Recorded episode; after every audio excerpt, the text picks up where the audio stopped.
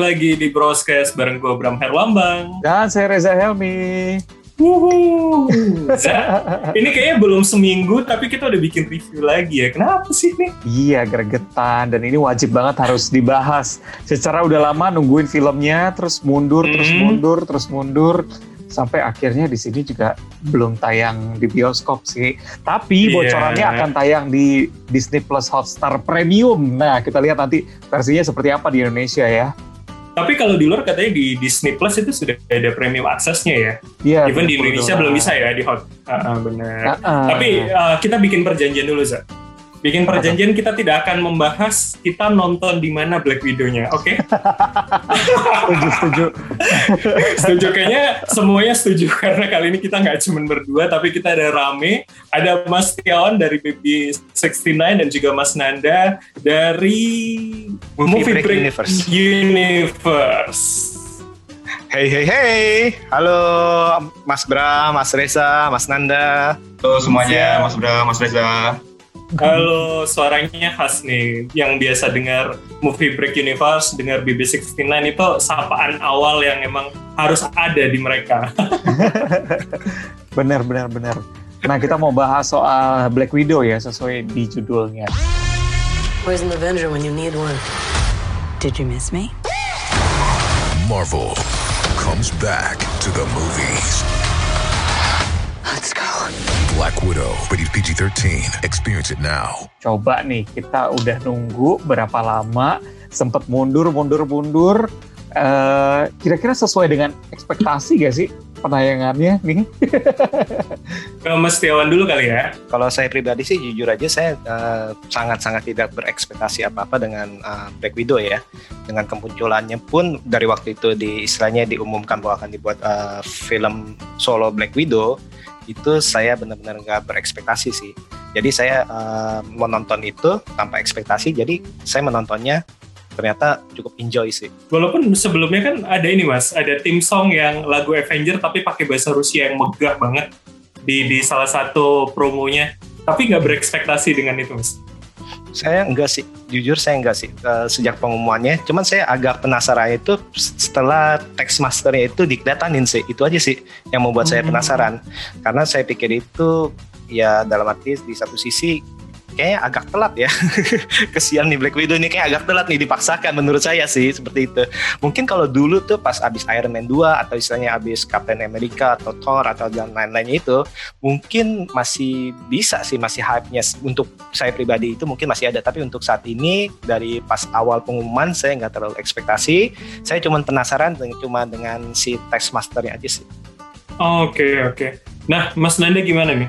Sama tidak berekspektasi atau jangan-jangan ekspektasinya adalah ini adalah original story yang zaman dulu bukan setelah Civil War gitu. Uh, kalau ekspektasi sendiri dari film ini sebenarnya sih ya sama sih Kat, dari kata Mas Tiawan uh, nggak nggak ada expect sama sekali ditambah udah delay udah cukup lama kan ya. Jadi hype-nya tuh udah udah drop yang sebenarnya dari biasa aja begitu ditunda jadi tambah drop lagi gitu loh. Jadi sebenarnya uh, kalau hype tuh benar lebih hype karena filmnya sama mungkin film ini tuh muncul karena yaitu uh, para penggemar-penggemar itu berharap wah kok si Iron Man mati ada penghormatannya. Sementara si Black Widow ini nggak ada penghormatan sama sekali gitu loh.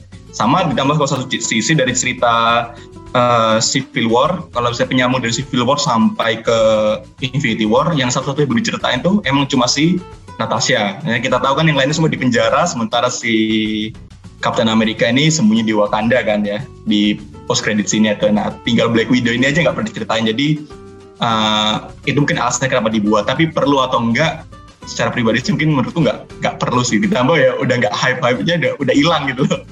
Jadi ya setuju kata Mas Tiawan nunggu sih enggak juga sih. Harusnya nggak usah ada original ya, Zah ya. Iya, tapi sebenarnya perdebatan soal eh, film original dari Black Widow dan juga Hawkeye ini kan cukup panjang ya. Hmm, Dulu sempat ada wacana bahwa bikin mau bikin film mereka berdua Yang aja. di Budapest. Ya udah nanti dibikin Hmm, masing-masing. hmm. Iya gitu, menceritakan soal Budapest. Sampai akhirnya di endingnya keputusan oke Black, Black Widow dibikin cerita sendiri dan Hawkeye lebih dibikin ke series nantinya. Tapi kalau tadi uh, Black Widow sudah tidak ada ekspektasi dan biasa aja, kalau nyinggung sedikit ke seriesnya Hawkeye nanti gimana? Nungguin apa enggak? Secara nanti kan ada anaknya nih yang akan muncul gitu yang katanya akan jadi yang Avenger gitu. Oke, uh, mengenai Hawkeye ya, sebenarnya sih saya pribadi kalau kita bilang ngomong serial ya, serial satu-satunya yang saya paling tunggu itu sebenarnya waktu itu WandaVision. Itu yang benar-benar saya tunggu banget sih misalnya. Dan yang lainnya itu kayak Loki segala macam itu sebenarnya itu uh, saya awalnya itu nggak terlalu nunggu. Sedangkan untuk Hawkeye ini ya jujur sih nggak terlalu nunggu sih. Jujur nggak terlalu nunggu tapi saya penasaran dalam arti penasaran kenapa? Karena uh, saya lebih eh, memang ini istilahnya mau lihat uh, superhero Marvel yang tanda kutip itu membumi nih. Kan seperti kita lihat itu Falcon and the Winter Soldier cukup agak membumi istilahnya kan ya cara dia mereka bertarung segala macam nggak pakai sihir nggak pakai apa-apa nih. Nah untuk Hawkeye hmm, setelah ada Black Widow ya otomatis kita penasaran nih istilahnya karena kan di end creditnya itu kan pasti kan nyambung ke Black uh, ke Hawkeye nih kita mau penasaran nih dan istilahnya kita mau mau tahu uh, Hawkeye ini bakalan dipensiunkan seperti apa nih untuk menjadi tanda kutip mungkin ya yang Avenger nih Nah, Mas Dewan, kita ngomongin ini kan langsung karena berhubungan dengan apa Hawkeye, apalagi di post credit gitu ya. Nah, menurut Mas, uh, Yelena ini kan sempat diisukan akan menjadi mentornya Kate Bishop, anaknya dari uh, Hawkeye gitu kan. Apakah ini nanti mereka akan menjadi rival dua pihak ini atau malah jangan-jangan akan menjadi grup baru misalkan orang nyebut ini bisa jadi Thunderbolt, bisa jadi Dark Avenger atau yang Avenger jangan-jangan. Kalau saya pribadi sih ya seperti film-film superhero lain atau istilah film-film atau serial superhero lain istilah biasanya itu awalnya awal, awalnya benci akhirnya cinta. Istilah awalnya jadi musuh, berantem istilah habis itu nah, asal jangan istilah apalagi berantem tiba-tiba dia ngomong Marta bukan yang ini lain-lain universe istilahnya ceritanya. nah, oh itu Batman saya, nah tapi uh, jujur sih uh, kemungkinan besar akan diawali dengan istilahnya pertarungan sih. Nah, karena uh, kesalahpahaman gitu segala macam sih. Dan saya nggak tahu nih bakalan mau dibawa Dark Avenger plus yang Avenger. Nah itu saya nggak ngerti nih. Kan uh, istilahnya bakat-bakat yang yang mulai dimuncul-munculin nih. US agent segala macem atau istilahnya Loki Kit Loki. Kita kan nggak tahu nih mau apa sekalian mereka pengen buat dua nih? Kenapa enggak? Menurut saya sih kenapa tidak? Gitu. Jadi akan adu domba ya kalau kata Roma Irama ya. Iya betul. Oke, okay. Mas Nanda, boleh nggak sih cerita kalau di komik itu sebetulnya uh, akan ke mana arahnya? Kalau kita tahu kan, misalkan Thunderbolt itu dibikin sama Baron Zemo yang sekarang sudah diperkenalkan kemarin, terus kemudian katanya si siapa Dark Avenger itu buatannya Norman Osborn. Akan seperti apa nanti perkiraan, Mas? Uh, kalau perkiraan sendiri sih dari yang uh, kalau masuk akal bakal muncul Thunderbolt sih kalau menurutku karena uh, tapi sebenarnya Thunderbolt sama Dark Avengers dilihat itu sebenarnya sama sih karena beberapa kalau di uh, beda komik beda uh, apa istilahnya anggotanya berbeda gitu loh dan Dark Avengers sama Thunderbolt sendiri itu kayak sering tuker-tuker villain gitu anggota-anggotanya sering tuker-tuker gitu ganti-gantian. Nah cuma kalau misalnya melihat uh, lisensi karakter yang ada di mana kalau misalnya Dark Avengers itu dipimpin sama Norman Osborn kan lisensinya belum ada tuh Marvel. Sementara kalau Thunderbolt sendiri udah ada tuh si Thunderbolt Cross gitu tinggal nunjuk nunjukin aja dia jadi Red Hulk atau enggak gitu kan. Nah, yeah. tapi uh, lebih setuju ke Thunderbolt sih, mengingat uh, si US Agent itu terus udah ada si Zemo, nah, itu kan lebih ke Thunderbolt daripada ke Dark Avengers meskipun si Yelena itu Dark Avengers. Nah, tapi melihat dari seri Loki kemarin, uh, Marvel kan suka tuh ngerubah-ngerubah cerita, dia akhirnya He Who Remains sama Kang jadi satu. Nah, kalau menurutku pribadi ini bisa aja si Val Valentina ini bisa kerjasama sama si Thunderbolt itu. Jadi di combine nih Thunderbolt sama Dark Avengers itu sih hmm. kalau pribadi. Walaupun uh, Valentina de Fontaine ini sempat punya romantic story dengan Nick Fury ya, atau jangan-jangan yeah, akan berhubungan dengan Kree dan Secret Invention nanti. Nah, itu juga bisa tuh. Makanya tergantung dari si Marvel tuh kalau misalnya dia mau rilis dikaitkan sama Secret Invasion, bisa lagi tuh. Jadi ah. dianggap, wah Avengers nggak becus nih, nggak becus. Jadi kita buat nih, kita tunjukin uh, si Thunderbolt sama si Valentina nih. Wah, kita punya superhero baru nih. Nah, itu baru bisa sih sambungin. Ya, gimana Za? Lo lebih sepakat yang mana nih Za? Ada tiga lo tadi disebutin Mas Nanda Za. Kayaknya sih emang seru-seru ya. lebih seru lagi kalau tiga-tiganya jadi satu gitu. Tapi emang Ah, betul. kalau ngomongin soal license-nya kan eh, Osborne tuh masih dipegang sama Sony ya. Ya, benar. Jadi ya mudah-mudahan nanti setelah gabung balik lagi nih ujung-ujungnya ke Spider-Man kita lihat gimana. Ketika memang sudah bisa sama-sama, mungkin universe-nya akan lebih luas lagi gitu ya. Ini ya, mega crossover ya kalau kata orang-orang ya. Mega crossover bener. Iya, iya, iya. Za, kita balik lagi ke film nih, Za. Ini kayaknya sudah kita berangan-angan jauh tadi barusan ya. Menurut lo eh, gimana nih? Eh, tadi Mas Tiawan sempat ngomongin Taskmaster di di trailer itu cukup menarik. Ternyata pas kalau gue lihat ya, ah ternyata cuma anaknya Dreykov gitu loh. Melempem gak sih menurut lo, Za? Eh, Oke, gue pertama kali kenal sama Taskmaster tuh di game PS ya, karena gue main game PS-nya Avenger. Di situ dia sekeren itu, dan dia juga muncul di Spider-Man yang kedua gitu. Dan itu se- sekeren itu, gue susah banget buat ngalahin dia, karena semua gerakan gue pasti ditiru. Cuma ketika lihat dia di film, aduh kok cuma begini doang gitu. Agak sayang sih. Cuma kan memang eh, kita sempat bahas waktu itu Taskmaster itu lebih ke teknologi Dan siapa baju orang zirahnya ya. Iya, iya, siapa orang di baliknya tuh bisa siapa aja. Ya mungkin nanti teknologinya bisa di-upgrade lagi. Kalau di Iron Man dulu kita sempat lihat eh, Iron Suit-nya ada banyak banget dan bisa dikendalikan. Mungkin nanti ke depannya baju zirahnya Taskmaster juga bisa di-upgrade lagi supaya bisa lebih keren lagi nantinya.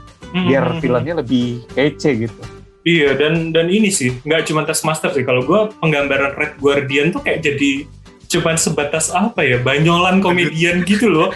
Ada kan iya iya nggak sih Mas Nanda Mas Tiawan kita melihatnya dia Kapten Amerika versi Rusia loh harusnya. Iya nggak Mas Tiawan? Kesel kan? Iya, Benar-benar. Tapi kalau nggak ada di- dia juga jadi istilahnya nggak nggak ketawa kita ya bingung juga ya. Tapi kalau menurut Mas Tiawan ketika tidak ada apa Red Guardian yang banyol gitu ya perannya, ini akan jadi yang dark banget nggak sih buat buat apa ya eh, ambience-nya Marvel?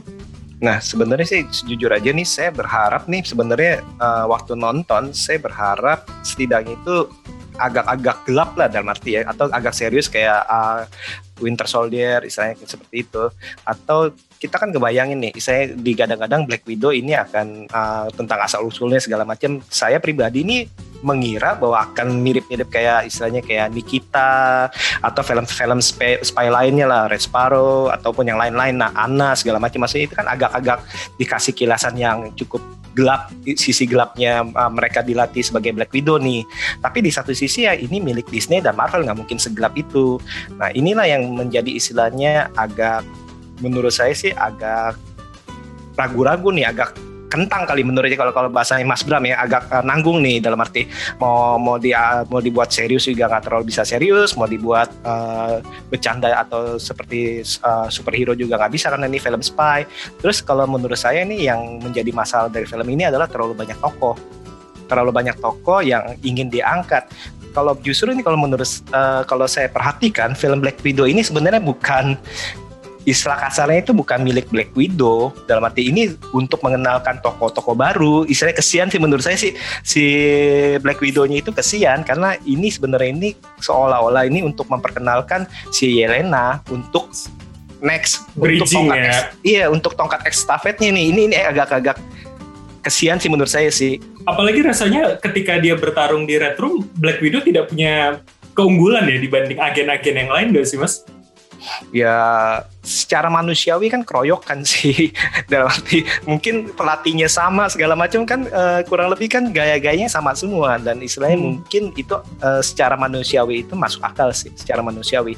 Cuman tadi itu eh, yang tadi Mas Bram bilang juga atau Mas Reza bilang juga itu yang paling bermasalah untuk eh, musuhnya ya tes masternya benar-benar nanggung. Terus jenderalnya juga nggak ada motivasi yang yang kuat Kuat. istilahnya tadi itu yang tadi menurut saya itu terlalu banyak tokoh yang ingin dimunculkan akhirnya itu semuanya serba nanggung sih kalau menurut saya sih seperti itu Hmm. Red Guardian juga lagi anggap istilahnya kayak buat bercandaan seperti itu sih Mas Nanda, eh, sempet ini nggak sih berekspektasi kalau kita lihat di X of Ultron kan ada gambaran ketika dia masih berlatih, dia di operasi yang sterilisasi dan segala macam.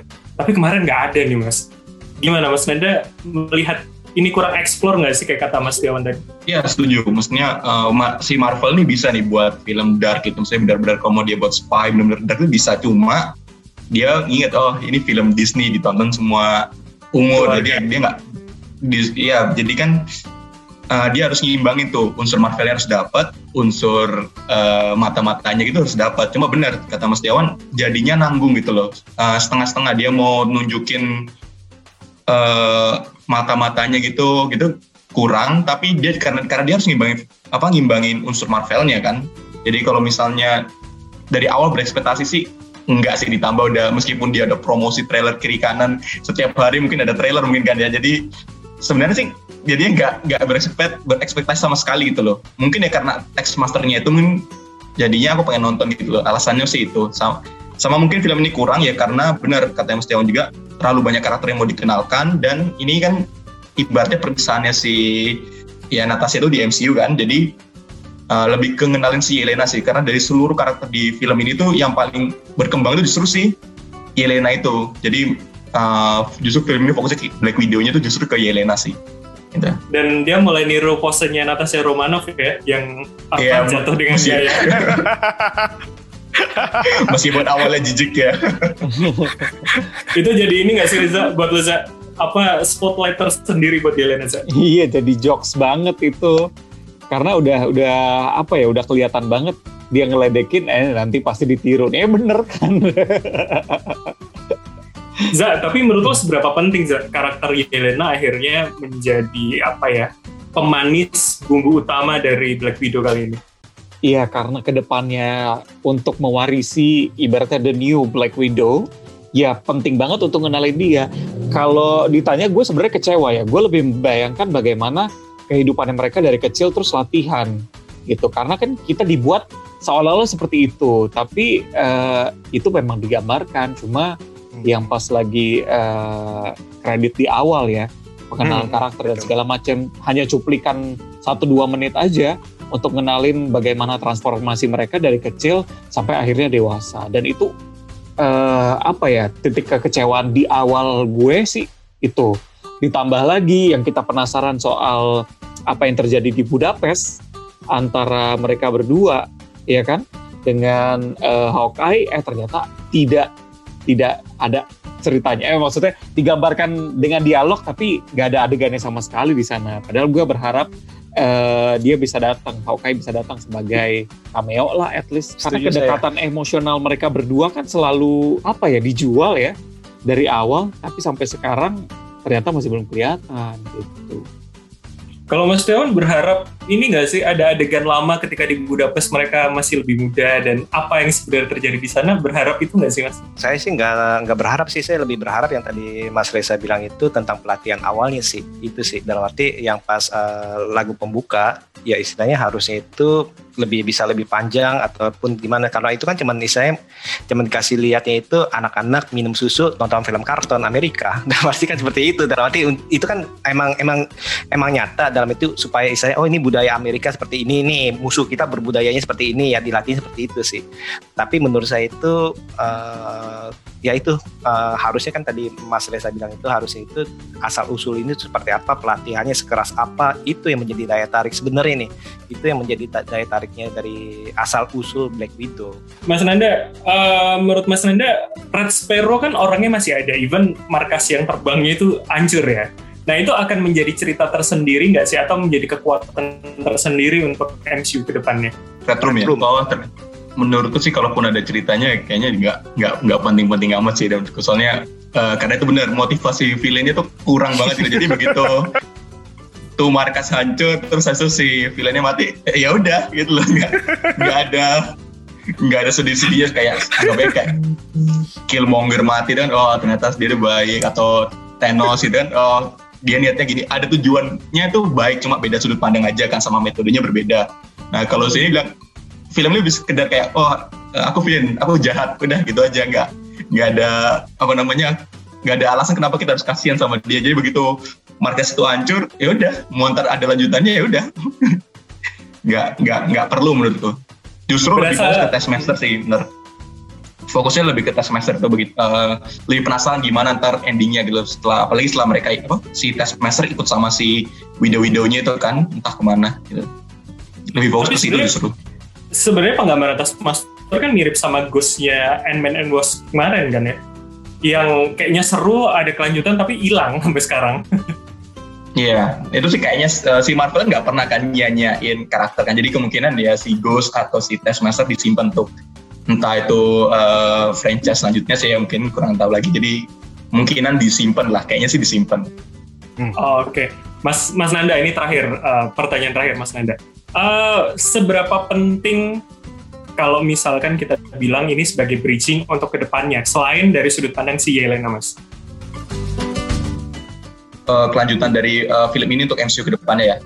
Betul, Ini kan, betul. eh, ini kan ntar dimulainya dari si eh, Hawkeye kan ya, seri Hawkeye kan lanjutannya. Jadi ini mungkin benar arahnya itu ke entah itu Thunderbolts atau si hmm, Dark Avengers kalau memang harus, mereka juga mengaitkan dengan eh, Secret Secret Invasion ini mungkin ya kan serinya juga ada. Nah itu mungkin lebih ke arah ke sana sih karena sebenarnya kan si Valentina ini kan harusnya kan muncul di Black Widow dulu baru di Falcon in- and the Winter Soldier kan. Jadi karena di delay, di delay jadi akhirnya dia muncul di Falcon and the Winter Soldier dulu kan. Jadi ya tuh bener uh, mungkin ini ke arahnya bakal entah ke Thunderbolts atau Dark Avengers sih kalau menurutku karakter karakter untuk karakter Vel-nya sama Yelenanya dan mungkin Red Guardian sih tapi semoga kalau misalnya Red Guardian muncul lagi udah nggak bagian jadi jokes lagi sih soalnya itu bener-bener buang-buang kesempatan banget sih itu Iya, iya. atau mungkin ada tim itu ya Winter Guard yang Avenger versi Rusianya ya kali ya.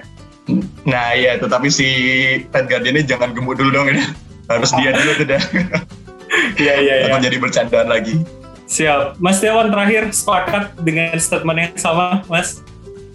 Eh, saya sepakat sih dalam arti sepakat sepakat. Dalam arti ini eh, akan kita lihat nih apakah Dark Avenger apakah Thunderbolt atau eh, yang lain istilahnya yang Avenger. Dan kita tetap berharap dan eh, ya seperti yang kita tahu itu Marvel itu mempunyai strategi mempunyai ide yang tidak bisa kita istilahnya tidak bisa kita sepelekan. Tadi dan segala sesuatu ini yang muncul dan suatu saat pasti akan bisa dimunculkan lagi di depannya kita tahu di mereka punya uh, strategi apa. Oke, Za ini nggak mau rugi kayaknya Za ya, PH yang satu ini Za ya. Bener, biar castingnya nggak perlu berkali-kali ya. Udah tahu ada casting, udah, udah, udah. kita masukin lagi aja. Kasihan kalau tayang di bioskop di sini ya lebih baik kita tunggu aja di Disney Plus Hotstar Premium segera ya. Karena filmnya sekelas FTV. ya ya, sepakat, sepakat, sepakat. Dan rasanya beruntung kita nggak nonton di bioskop. Bener, bener. Mungkin dia Benar. jangan FTV lah serial lah serial Iya. Ya atau di Disney Plus kali ya, nggak usah di bioskop kali ya. Eh, thank you banget Mas Nanda, thank you banget Mas Tiawan dari BB69, Mas Nanda dari Movie Break Universe sudah sudah mau ngobrol bareng kita, ketawa ke TV, bagi pengetahuannya. Apalagi soal komik ya, seru banget tadi ya. Bener ya, karena kita sama-sama nggak terlalu dalam, jadi punya perspektif baru juga dari Mas Nanda.